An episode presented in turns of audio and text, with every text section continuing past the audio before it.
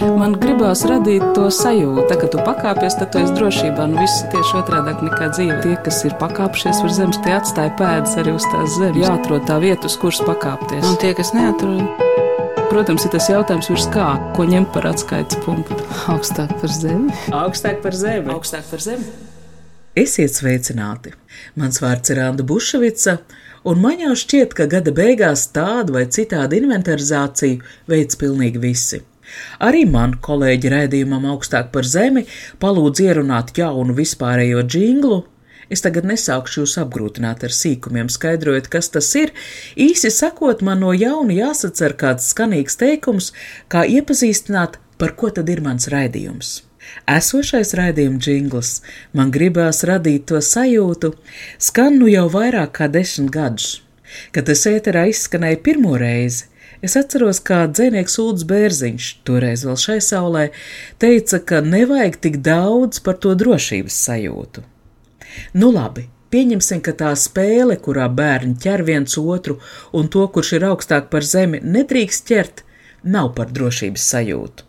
Bet par ko tad ir? Lauzot galvu, man bija sajūta, ka garām aizlido brīnumputns, un plaukstā man paliek viņa spalva, un uz šīs spalvas ir rakstīts spēle.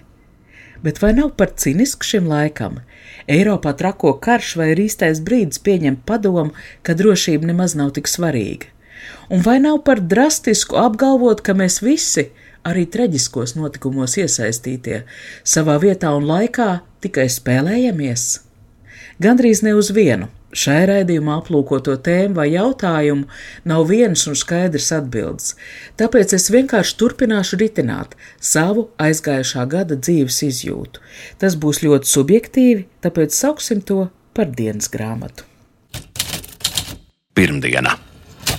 Pārsteidzoši, cik laiki pēkšņi kļuvuši samērojami. Ilza Borotkina savā Facebook profilā Ziemassvētkos ieliek atgādinājumu par dvēseļputeni, par 1917. gada Ziemassvētku kaujām. Ilzi es iepazinu caur tautas dziesmu, un jau toreiz viņa man šķita neparasta. Tautas muzikā viņa iet savu, tikai viņas iekšējai pasaulē atbilstīgu ceļu, bet tobrīd jau es vēl nezināju, ka es biju tikai sākus viņu iepazīt. Šogad viens no man personiski svarīgajiem raidījumiem, kas izskanēja pirms Latvijas dienas, bija augstāk par zemi, kurā par savu pieredzi zemesardzes mācībās stāstīja dzēnieks Krišāns Zeļģis un arī tobrīd kā datoristi pieteiktā Ilze Borotkina. Tas bija ļoti atklāts stāsts par eksistenciālu pieredzi, ko var sagādāt došanās mežā ar pārdesmit kg smagu mugursomu, kad var paļauties tikai uz savu komandieri un vēl līdz tam tev nepazīstamiem cilvēkiem. Nu, tā ir no tāda grūti vai viegli. Es īstenībā pat teiktu, ka tas nu, nosacītais kultūras konteksts pat mazliet, laikam, nu, to padara pat grūtāku. Tāpēc, ka parasti tiem, kas ir iekšā kaut kādas kultūras lietās, ir tāda. Nu, kopēja tendence visu laiku skatīties lietas kontekstā. Piemēram, nezinu, ja tev tajā brīdī ir iedots gulēt grāvī divas stundas, man tāds uzdevums nav bijis, bet nu, vienkārši tu gulēji grāvī divas stundas. Nu, tas, kurš spēja noizolēties, viņš nofokusēs. Man ir divas stundas, man ir pulkstenis, šeit ir mans grāvs. Es divas stundas te gulēšu, uzdevums beigsies, tad es iešu darīt tālāk. Un, ja tu nevari izslēgt to konteksta domāšanu, tad tu tai grāvī guli un tu domā, kāpēc. Kā tas būtu, ja tas būtu pa īstam? Tev iespējams ir uh, tāda spēcīgāka iztēle, kas tev to pa īsta mainiņu tajā brīdī uzzīmē nu, tu tiešām aizēji līdz ļoti dziļām eksistenciālām pārdomām. Tu atbrauc no tās nometnes, mazliet transformējies. Un tādā ļoti, man liekas, labā virzienā atkal par to, kas tad dzīvē patiesībā ir svarīgs.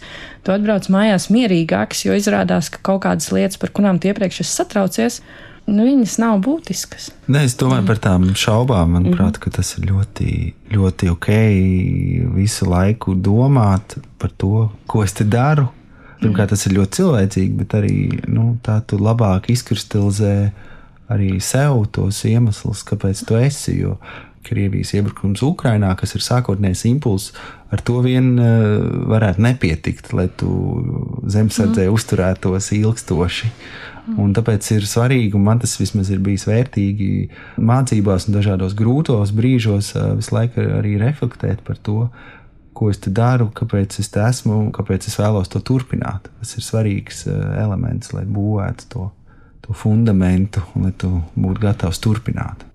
Ziemassvētku kaujas šajā vēstures dotajā nosaukumā jau ir ietverta netaisnība, ka svētkos, kam būtu jākļūst par garīgu piedzimšanu, notiek nāves pļauja. Un tieši tāpat šobrīd sociālos tīklos klīst fotografijas ar karavīriem Ukrainā, kuri Ziemassvētkus svin zemnīcā vai vēl trakāk, operējot savus ievainotos. Katrs pa savam pasauli cenšas iegriezt līdzsvarā, un Ziemassvētku laikā Ilzas Borodkinas Facebook profilā es manīju kārtējās bildes, kur zipspuldes no tumsas izrauta Ilze ar milzu mugurskomu ir mežā, atgādinot, cik bīstam tuvu ir notikumi pirms simts gadiem un tūkstošu kilometru attālumā. Otrdiena. Bet arī tikšanās ar radiem reizes gadā Ziemassvētku vakarā ir maza kauja, jo tu nekad nevari būt drošs, kādu kuram kāds sens aizvainojuma vēlniņš izlaiks ārā. Un laikam jau arī Beļģijā nekas nav citādāk kā latviešiem, viņi Ziemassvētkos dzer uz mandarīniem un cukuru nostādinātu brendiju. Draudzene man šādu velti ir atvedusi, salēju radiem tikko viņa pār slieksni, un Ziemassvētku vakars radu lokā šogad aiziet kaut kā neparasti mīksti. It kā ir visi komponenti, lai cilvēkam būtu labs prāts, bet tās pareizās Ziemassvētku sajūtas kā nav, tā nav. Varbūt vajadzētu uz dievvvārdiem aiziet, bet kurp gan lai es dodos? Latvijas pareizticīgie joprojām nav tikuši skaidrībā par savu identitāti un ir zem asinskārā Maskavas patriarha. Luterāņu vanaks arī uzsācis savu karu pret sievietēm un citādi domājošajiem baznīcā, varbūt pat vienkārši pret domājošajiem. Pamestā gastronomā manas ielas galā ievākušies katoļi pa lielo skatlogu varos iekšup, kā vēl ar grimu pēdām uz sejas gar svētbildēm skraida no Betlēmas ainiņas uzveduma atvaļinātie bērni. Bet durvis baznīcas gastronomam ir cietas, svešie te nenāk. Nu labi, iešu uz savu draugu. Antai Eņģelē Ziemassvētku laikā koncerts teju katru dienu - tornī, baznīcā, man iegadās mazā piejūras kafejnīcā. Anta man atgādina par dziesmām, tik senām kā pagājušā gadsimta 80. kad viņa pati par savas dzīves jēgu bija padarījusi kopdziedāšanu ar austru pumpuri un braukāja uz liepāju. Austras bērnu atvērtais lokus bija jauns pazīšanās, radošas sadarbības vieta, kā dzēniecei Intē Rieksteņai ar dziesmnieku Uldu Ozolu. Apbrīnojam, kā Anta to visu atcerās un godā. Koncertā viņi runā par ļoti, ļoti jaunu cilvēku dziesmām, kas it kā vienkāršs, bet ar lielu sirdi. Sirds kā maza melīte, teic pasaku kupenām līkajām, bet veselīte balta stāv starp kupenām un savu tautu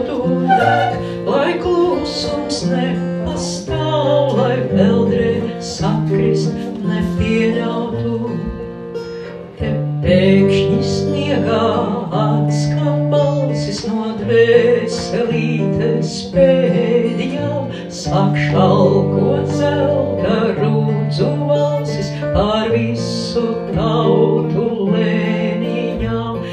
Ja ieklausās dziesmas vārdi diezgan putraini. Par dvēseli, kuru, nu, protams, citi nesapratīs, kaut kur pavīd arī tauta, tie taču ir pirmsatmods gadi. Sniegs kā mūžīgi pretīm stāvēšana, pēdas, ko atstājam, bet tā sajūta vienalga ir pareizā, un mūzikā ir tiecība, ilgas, kas dzen uz priekšu, un arī savāds maigums. Un laikam jau tieši šo sakustēšanos, kā starta zīme, es arī meklēju Ziemassvētku laikā.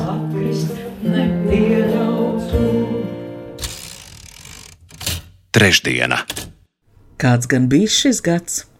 Aizgājušā laika tēls atnāk ar nosabošanos, un pēc šīs vasaras Venecijas mākslas bienāls apmeklējuma var pat izteikt minējums ar cik lielu laika nobīdi. Lai piesaistītu vairāk turistu jau tā grimstošajai pilsētai, Venecijas bienāls sākums šopavasar bija pārcelts no māja uz aprīli.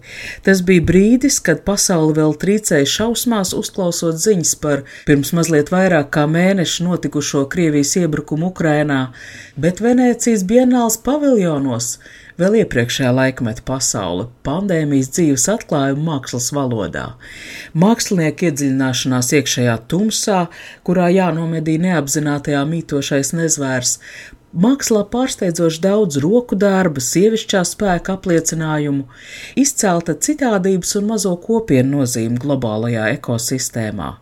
Un kuratoris Cecīlijas Alamāni uzdotais jautājums - kā mums visiem kopā sadzīvot šai pasaulē? Taču tā jau tikai liekas, ka laikmet ir kā durvis. To aizverēs sevis pandēmijas, iekšupvērsto pasaules izjūtu un ienāca kaut kādā citā aktīvā karadarbības zonā, bet nekas jau nepazūd, nekas nav velti. Pandēmijas laika dezinformācijas tsunami un dzīvošana informācijas burbuļos pierādīja, ka pat ar savu pāris metru attālumā mītošo daudz dzīvokļu mājas kaimiņu jūs patiesībā varat dzīvot paralēlās realitātēs, itin kā uz dažādām planētām. Tagad informācijas karš tikai turpinās, nu jau pavisam īsta kara apstākļos. Vēl viena pandēmijas mācība, ka pasaule spēj mainīties, un tas var notikt vienā acu mirklī. Vai pirms pandēmijas kāds būtu ticējis, ka ir iespējams apturēt lidmašīnas, atcelt globālas tirdzniecības līgumus, Savu mācību sniedz arī vēl pāris gadus senākā MeToo es arī kustība, kas pierādīja, ka arī viens cilvēks, vai pareizāk būtu teikt vairāk individu saskaņot rīkojoties, spēja izkustināt netaisnību, kas līdz tam tikuši uzskatīta par bezmaz vai vienu no pasaules balstiem. Kancela jeb atcelšanas kultūra baiss instruments, kādā sabiedrība šobrīd izrēķinās ar sev nepieņemamo, Pat laban šāda kancela kultūra tiek attiecināta uz visu krievisko. Krievu kultūras cits valodas un tautības aprijošais pārākums ir panākts gadsimtiem ilgas iekarojuma politikas rezultātā.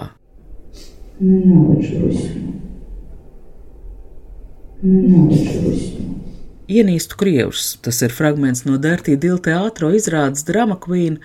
Valsts kultūra kapitāla fonda piešķirtā stipendija deva iespēju režisorei no Ukrainas, Sofijai Meļņikovai strādāt savā profesijā, un tā teātrī tapa izrāde, kur atspoguļot Sofijas pieredzētais dienu, kad Harkivā sāk krist bumbas, nogurdinošs ceļojums evakuācijas vilcienā uz Latviju pie radiem, pēc tam jau jaunais paziņu loks dzīve Latvijā, ar otru izrādes drama kvīnu režisoru Walteru Sīli Mēs runājam, kurā brīdī skaļi pausts naids kvalificējams kā naida runa. Viens arguments - drama kvīna ir teātris, un tur ir pieļaujama šāda robežu pārbaudīšana, bet vēl ir svarīgi, kurš to saka. Sofijai Meļņikovai, kuras dzīvi Krievu mestās bumbas ir salauzušas divās daļās, pirms un pēc, šobrīd ir tiesības ienīst. Taču Sofijas dzīves stāstā ir vēl kāda paradoxāla tēma. Но в то же самое время вы можете работать благодаря тому, что у вас есть этот русский язык, и мы... Izrādē paradoxāli šķiet situācija, ka aizbēgot no krieviem Ukrainā, Latvijā jūsu paziņu loku veidošanā liela nozīme bija tieši krievu valodas zināšanām. Un arī tas, ka Latvija ir kādreizējā Krievijas okupētā valsts, radījusi apstākļus, ka šeit daudz runā krieviski un gal galā jums ir iespēja strādāt profesijā. А ви розумієте, що це Tā ir mana neizdarība, ka es vēl nezinu pietiekami labu angļu valodu. Ja prastu angļu valodu, es noteikti nerunātu šeit krieviski, un par to ir arī izrādē. не російською. Tajā pašā laikā, jā, valoda ir varas instruments, un, un angļu, angļu valoda arī ir pateicoties uzvarai karā. Kāpēc mēs viņā runājam? Kāpēc Eiropa pieņēma tik labi pēc otrā pasaules kara amerikāņu filmas? Tā tā kultūra ienāca. Bet, protams, mēs labprāt pieņēmām šo, te, šo te darījumu. Mēs sākām mācīties, un tagad mēs tiekam piespiesti daudz vairāk novērtēt labo savā kaimiņu valstīs, nevis skatīties uz centriem. Un to ir jāmācās, jo mūsu darbā mēs pieminam Staņislavski. Un ne jau tādēļ, ka šī mācība būtu slikta, Bet ir bijuši brīnišķīgi latviešu dramatiskie skolotāji, par kuriem mēs teiktu, oh, kas tas bija? Ir brīnišķīgi ukrāņu teātris pedagogi, kur paliek tā kā tas jau nav pamats. Nu, te bija arī tāds sitais. Kaut vai ir pierādījumi brīnišķīgiem zelta kursu aktieriem. Tie pieņēmumi, tās vērtības, kuras mēs pieņemam par pamatu, ko nozīmē viņas pārvērtēt, varbūt arī nevienmēr nu, sākt karu, bet pārvērtēt. Mm -hmm. Ir liels, liels jautājums. Jā. Ceturtdiena. Par šo laiku biežāk citētajiem filozofiem kļuvuši tēkrekla dizaineri. Pandēmijai sākoties, mans favorīts bija krekliņš, kā būs tā būs. Šobrīd mans mīļākais ir mākslinieces Zanes Po dizainētais blēzers ar uzrakstu Tas nekas. Izlasīts garām ejot, tas skan visu piedodoši, bet ja lasa ar tādu lielu nopietnību, parādās arī filozofiska dimensija. Pēdējā laikā es daudz domāju par maigumu. Maigumu pret citiem, maigumu arī pret sevi, jo līdz šim es pati pret sevi esmu attiekušies diezgan spartiski. Tas palīdz ietaupīt laiku un arī sniedz diezgan lielu brīvību, ja atsakies no visas tās čubināšanās. Ja tev nav svarīgs komforts, ja tev ir viena alga ēdas, nēdas siltumā vai citu žēlastībā, tagad viss ir citādi. Es esmu sākus uzsildīt ūdeni pirms mērka tajā rokas, un saruna ar kaķi man vairs nav zemē nomests laiks. Varbūt šī ir tikai mana patreizējā dzīves izjūta, galu galā es esmu vecumā, kad laba daļa dzīves cīņu jau ir izcīnīts, bet varbūt tomēr tajā ir arī kāda lielāka universāla gudrība. Karš ir sens kā pasaule, un mūsdienu globālajā pasaulē nu jau ir tapis skaidrs, ka abas karojošās puses var sev sagādāt te nebeidzam daudzumu ieroču, un abas puses zina arī, ka savstarpēji pārtrumpošana var beigties ar civilizācijas bojāēju. Tad kas ir tas spēks, tās vērtības, kur vārdā iespējams uzvarēt vai vēl labāk apstādināt karu mūsdienās? Šī gada laikmatīgās mākslas festivālā Survival Kit notika šobrīd Čehijā mītošās Baltkrievu mākslinieces Rufins Bazlovs darbnīca. Pēc cilvēktiesību aizstāvju aplēsēm Baltkrievijas cietumos šobrīd atrodas ap 1300 politieslodzīto un to skaits strauji pieauga pirms diviem gadiem, kad, protestējot pret falsificētiem vēlēšanu rezultātiem un arī Lukašenko režīmu kopumā, ielās kā protesta zīme parādījās sarkanbalti izšuvumi. Tajos ieguldītais laiks, prasme, vērtības kā protesta zīme pret rupju varas pārņemšanu. Un tieši tad savu protesta akciju uzsāka arī Rufina Bazlova. Viņa sāk izšūt politieslodzīto stāstus nu tādu kā šis. Marija Koļesņikova viņu aizturēja un divas dienas nebija zināms, kur viņa atrodas, bet, kad viņu vardarbīgi mēģināja izvest uz Ukrainu un atdeva pasi, viņi to saplēsa. Pēc tam viņu ielika cietumā un notiesāja uz 11,5 gadiem. Tas ir vienam cilvēkam nepaveicams darbs, izšūt pusotru tūkstošu šādu stāstu. Meistarklasēs Latvijā Rufina Bazlova aicināja latviešus iesaistīties šai kustībā. Viņa atsūtīja pa pastu politieslodzītā stāstu un arī izšuvumu schēmu. Es ticu krustūrienu spēkam, un man šķiet, ka arī šo karu izbeigs tieši sievietes, un te es neuzsveru dzimumu, bet citādāku vērtību sistēmu. Un viss sākas tieši ar maigumu. Rundāls pils šobrīd aicina izbaudīt pils zāles, īpaši izgaismotas, gaismā izceļot lustras, kurām vasarā varbūt mēs būtu paskriejuši garām galvu nepacēluši. Šogad Rundāls pils muzejs svin savu 50 gadi, un tā pamatstāvā ir apskatām izstāde, kurā pieminēti Tie neskaitāmie muzeja darbinieki, kuri šo gadu desmitu laikā idejas vārdā ir braukuši izpētes ekspedīcijās, strādājuši restaurācijas darbnīcās, kurās godība atdot arī šobrīd izgaismotajām pils lustrām. Rundāls ilgadējā saimnieka Imants Lansmaņa doma pasauli šobrīd aplūkojama Nacionālā mākslas muzeja izstāžu zālē, taču pilī joprojām sastopama Lauma Lansmane. Jā, izstāde ir eh, būtībā domāta, lai cilvēki redzētu to nezināmo. Jo visi zina eh, pilsētas restaurāciju, zina visu to, kas noticis dārzā. Bet kas ir šī muzeja darbība bijusi visos šajos 50 gados, kas ir ritējusi ļoti intensīvi?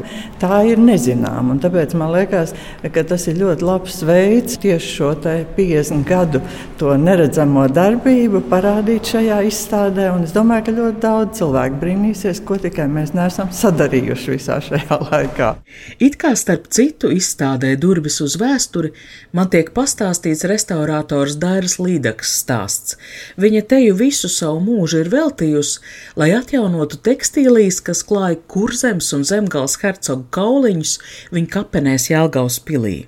Un tagad pēdējā laikā vienkārši vairāk ir interese tieši par mūsu arhīvu, uzzināt par savu mūžu, ko kāds ir nopircis šajā brīdī.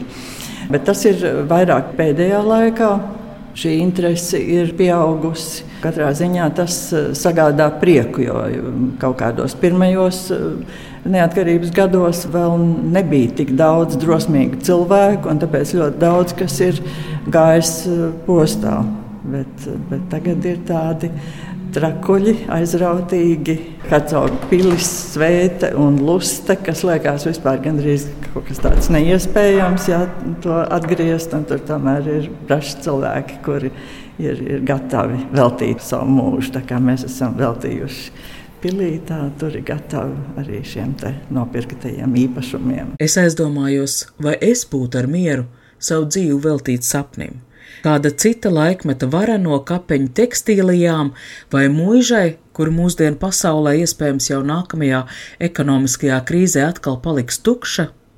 Šobrīd teātrī, kino, arī literatūrā savus atmiņas pieraksta paudze, kur atmodas gados bija jauni un šīs atmiņas atšķiras no iepriekšējās politikā iesaistīto paudzes liecībām. Tie ir cilvēki, kuri burtiski tika ierauti atmodas gadu notikumos, taču šo notikumu emocionālais lādiņš neizdzēšam ierakstīts viņu personīgajā pieaugšanas stāstā.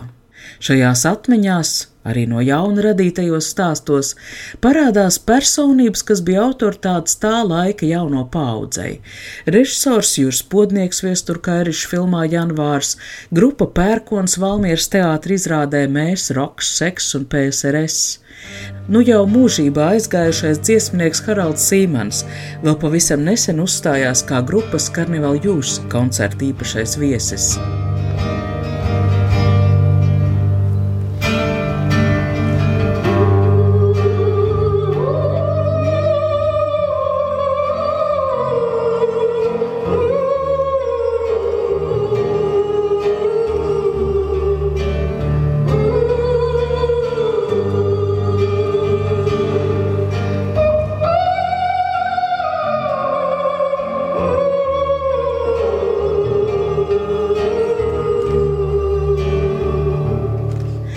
Pirmsatmoda bija tāds laiks, kurā Latvijas valsts un brīvība bija jānosapņo, pie kam tik stipri, lai tā kļūtu vēlāk par īstenību.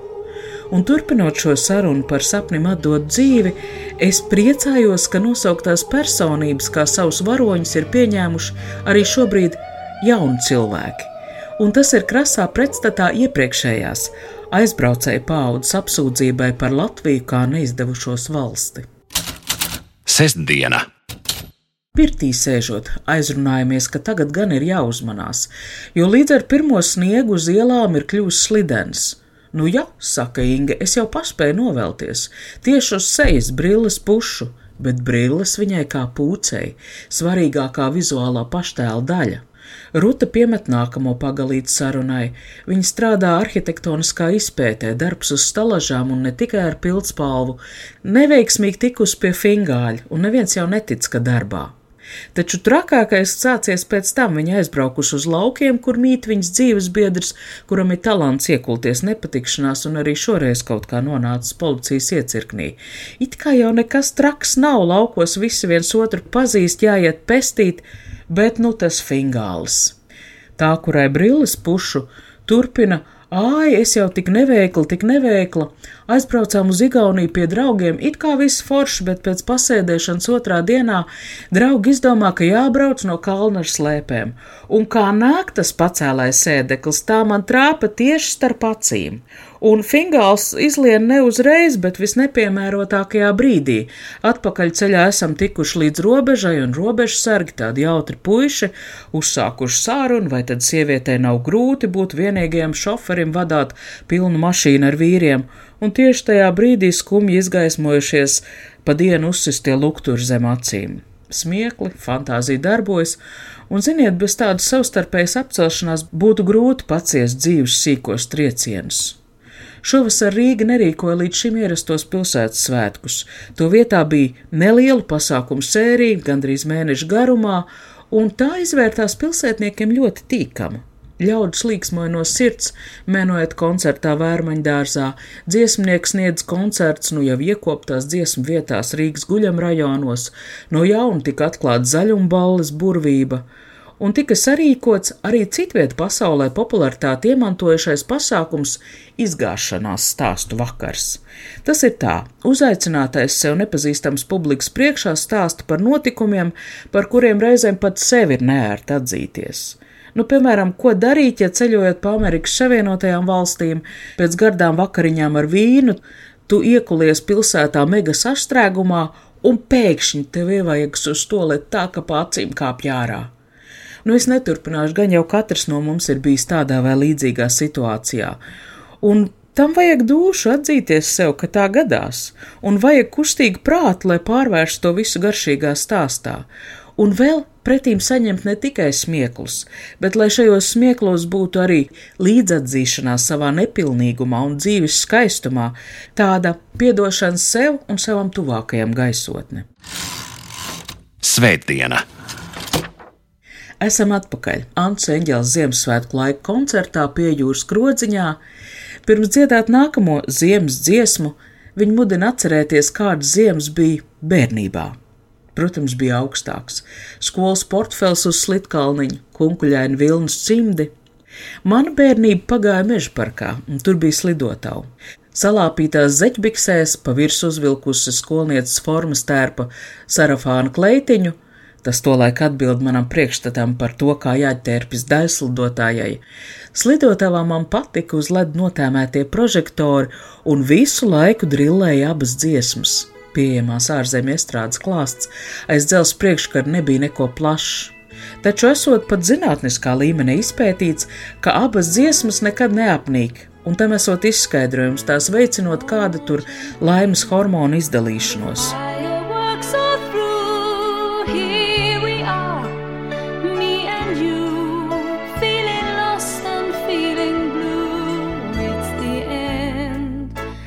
Un tad es pa īstam atcerējos to sajūtu. Kā slides palīdz pārvarēt soļu garlaicīgo sadrumstalotību, to putna lidojumu, kurā aba savukārt garantē laimes un brīvības sajūtu, sajūtu, ka eleganti un ar grāciju var tikt pāri pilnīgi visam. Un to jums arī novēlu. Es, Anna Buševica, par šī raidījuma skaņu gādāju valdes raitums, spēku un lidojumu jaunajā gadā.